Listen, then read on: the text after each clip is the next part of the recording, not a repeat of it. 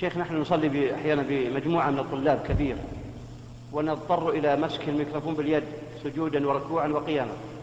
فهل في هذا بأس؟ آه، ليس فيه بأس. لكن لماذا لا, لا, لا تشتروا سماعة؟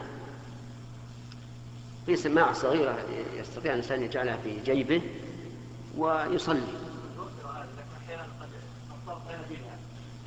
المهم على كل حال أن هذا لا بأس به لأن هذه حركة يسيرة. لمصلحة المأمومين.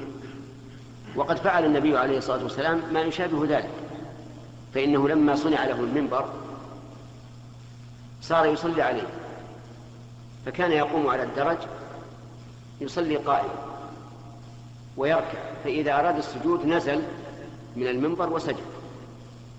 وقال إنما فعلت هذا لتأتموا بي ولتعلموا صلاتي. فقول لتأتموا بي نظير من آه، أمسك بيده آه، الميكروفون أو مكبر, مكبر الصوت من أجل أن يأتم به من خلفه. نعم.